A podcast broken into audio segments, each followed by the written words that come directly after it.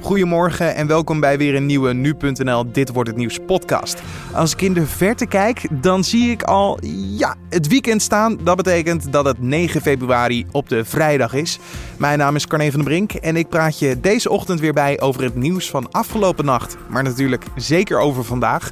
Wat gaat er gebeuren? Bijvoorbeeld de start van de Olympische Spelen. En wat is de magie achter carnaval?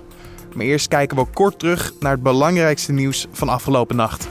Het CAS heeft een beroep van 45 Russische sporters en twee coaches om alsnog mee te mogen doen aan de winterspelen afgewezen. De sporters werden eerst geschorst door het IOC vanwege het grote Russische dopingschandaal. Maar het CAS draaide die schorsing terug. Daarom wilden ze meedoen aan de Spelen. Maar sinds vandaag mag dat officieel dus niet. Begin dit jaar zijn in Syrië twee Britse IS-strijders opgepakt door de Koerdische strijdkrachten. Deze militairen maakten onderdeel uit van een viertal Britten dat in het Verenigd Koninkrijk ook wel bekend stond als de IS-Beatles. Onder hen was ook Jihad John, die meerdere westerse gijzelaars executeerde. Amerikaanse en Britse wetenschappers hebben voor het eerst een menselijke eicel volledig buiten het lichaam laten groeien. Hiervoor was dit al lang bij muizen gedaan. Daar is de technologie al zover dat zelfs levende muizen kunnen worden geboren op die manier. De ontwikkeling is een doorbraak op het gebied van vruchtbaarheid. En dan kijken we naar het nieuws van vandaag, oftewel dit wordt het nieuws. Vanaf vandaag beginnen dus officieel de Olympische Spelen. De winterspelen zullen afgetrapt worden in de openingsceremonie. De ceremonie zal plaatsvinden in het Pyeongchang Olympic Stadium.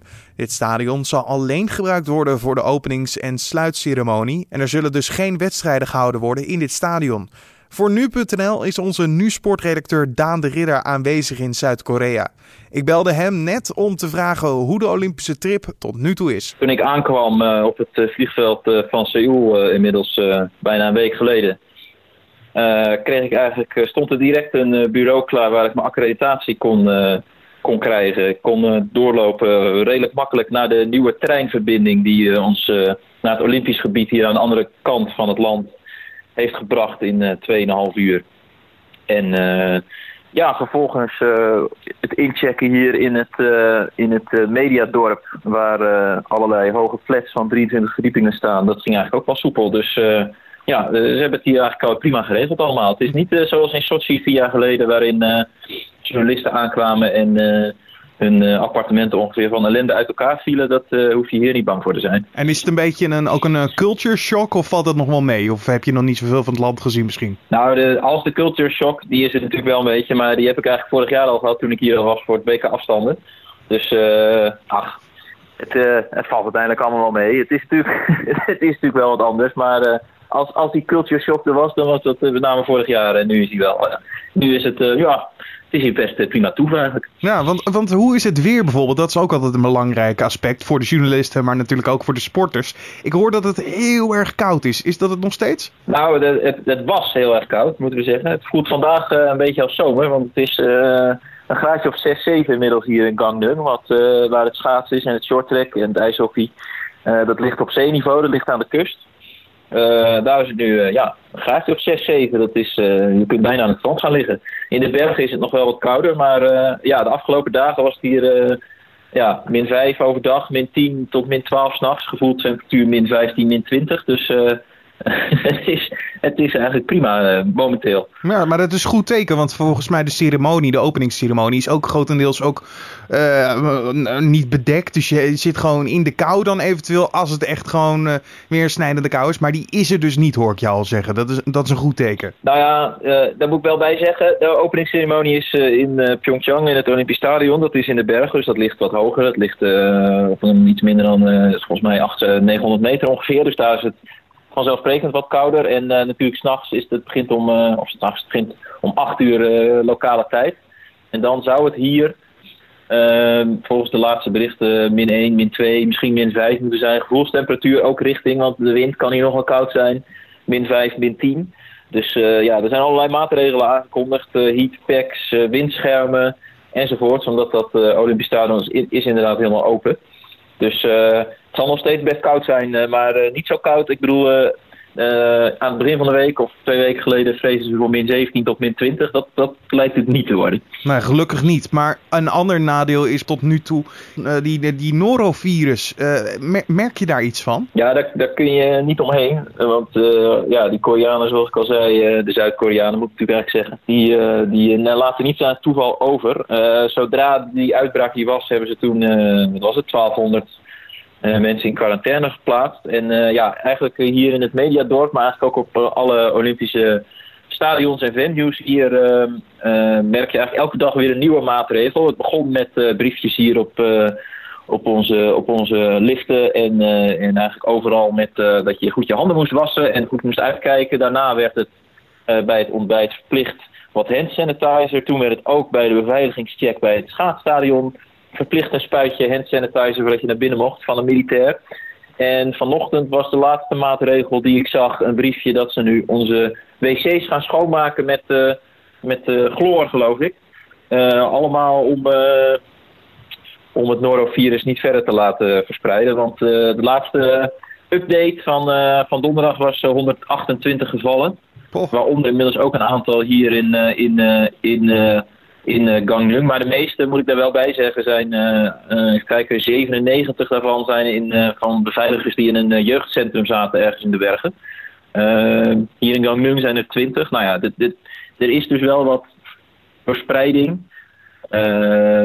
maar goed, ja, de, de, ik zou bijna zeggen, Zuid-Koreanen doen er, ja, je kunt er niet meer aan doen dan wat zij eraan doen. Nee. En ja, je merkt er dus wel wat van, maar met name door alle preventieve maatregelen. En als we afsluitend gaan kijken naar natuurlijk het belangrijkste van de Olympische Spelen. Wat staat er op jouw agenda vandaag? Wat gaat er gebeuren? Nou, uh, toevallig. vandaag is mijn agenda met name heel veel schrijven. Oké. Want uh, het begint... Uh, het begint, we hebben de afgelopen week hebben we heel veel persmomenten gehad, gesprekken met met mensen van de chef de mission tot aan allerlei sporters nou, daarvoor heb ik al aardig wat geschreven. Maar vandaag, voordat morgen het, ja, alle sporten losbarsten en je daar, daarin meegezogen wordt, is er vandaag in mijn geval nog een heleboel te schrijven. Dus waarschijnlijk zal ik vandaag met name ergens binnen achter mijn laptop zitten. En niet genieten van de Olympische ceremonie, de openingsceremonie, of pak je dat gewoon nog even mee? De Olympische ceremonie moet ik jammer genoeg aan mij voorbij laten gaan, want je hebt uh, zaterdagochtend hier lokale tijd uh, Nick van der Velde, onze 17-jarige snowboarder. Die moet al uh, heel vroeg in de bergen zijn kwalificatie sloopstijl doen. En ja, ik kan niet en vanavond tot na middernacht bij, de, bij de openingsceremonie zijn en dan zaterdagochtend alweer vroeg uh, Nick van der Velde. Dus het is keuzes maken. Dat, uh, zo zijn de spelen. En dan kies ik toch voor de sport. Je hoorde nu sportredacteur Daan de Ridder vanuit Zuid-Korea. En om 12 uur Nederlandse tijd begint de openingsceremonie. Voordat we beginnen... Want dit weekend is het tijd voor een jaarlijks feest waar heel veel mensen naar uitkijken. We hebben het natuurlijk over carnaval. Onder de rivieren is het het feest van het jaar. Maar in de rest van het land wordt het ook steeds meer gevierd. Maar wat is de magie van carnaval? Wij belden met Paul van Lange, hoogleraar psychologie van de VU Amsterdam. De magie is uh, verbondenheid, is het allerbelangrijkste denk ik. Uh, mensen zijn altijd op zoek naar verbondenheid met andere mensen. En dit is een, uh, een mooie aanleiding om uh, op een hele prettige manier uh, met elkaar om te gaan. En het tweede wat bij die verbondenheid heel erg hoort, is dat jij op een vrije wijze met elkaar kunt omgaan. Zonder dat je al te zeer hoeft te letten op wat anderen van jou vinden.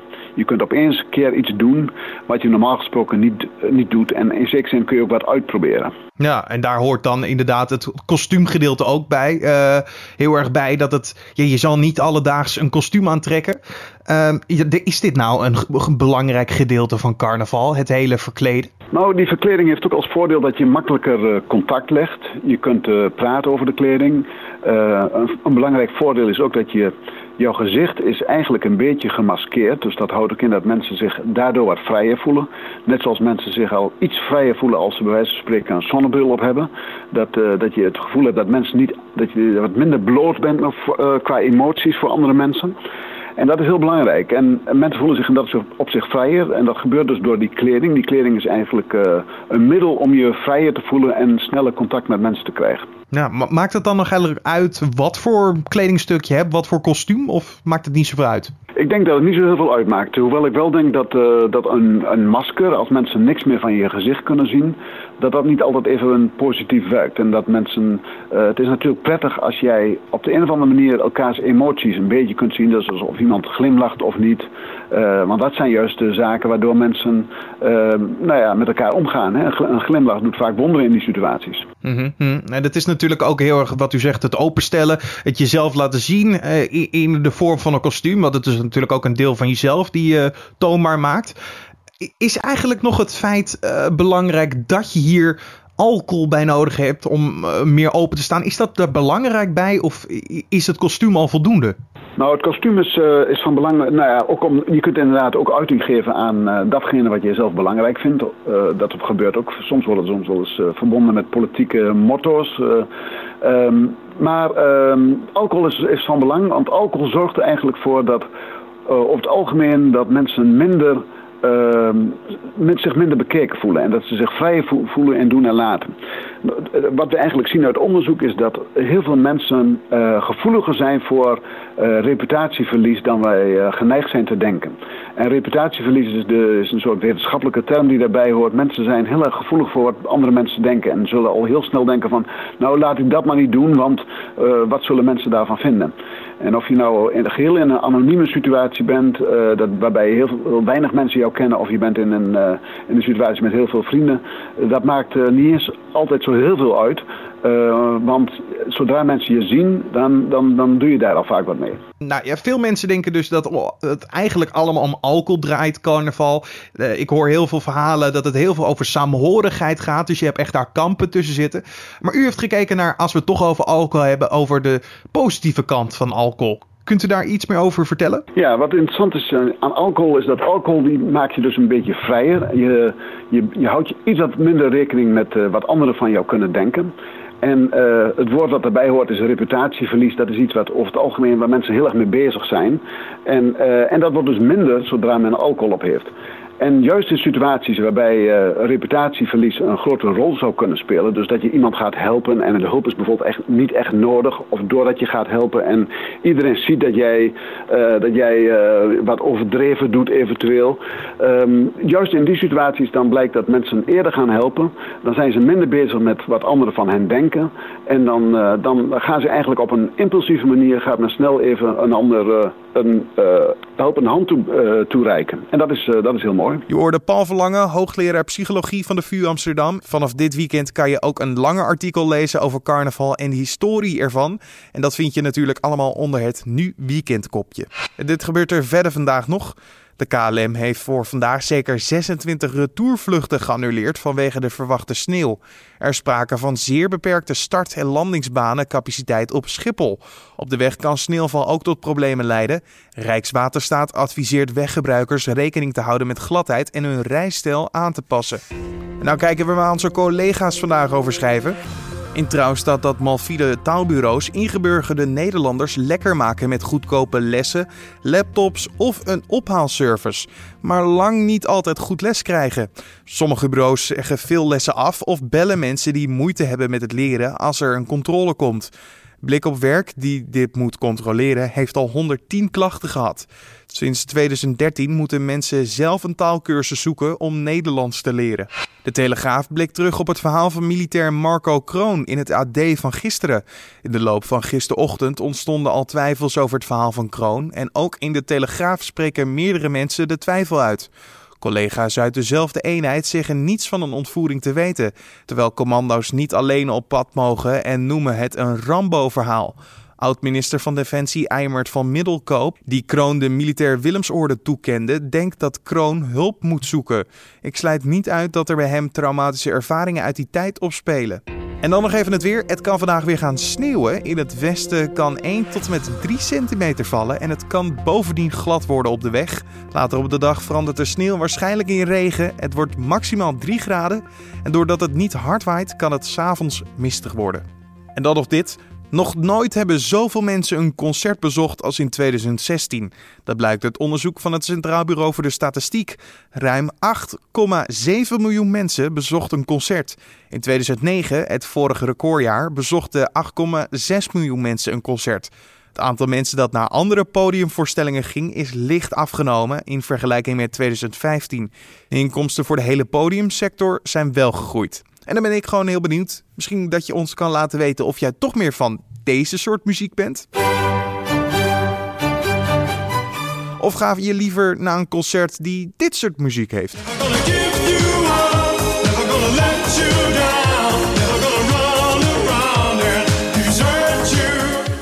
Dit was dan de Dit wordt het nieuws podcast voor deze vrijdag 9 februari. Dit wordt het nieuws podcast kan je natuurlijk elke maandag tot en met vrijdag vinden op nu.nl.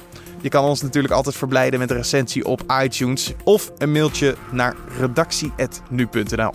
We wensen je voor nu een fijne dag en een fijn weekend. En zoals altijd, tot maandag.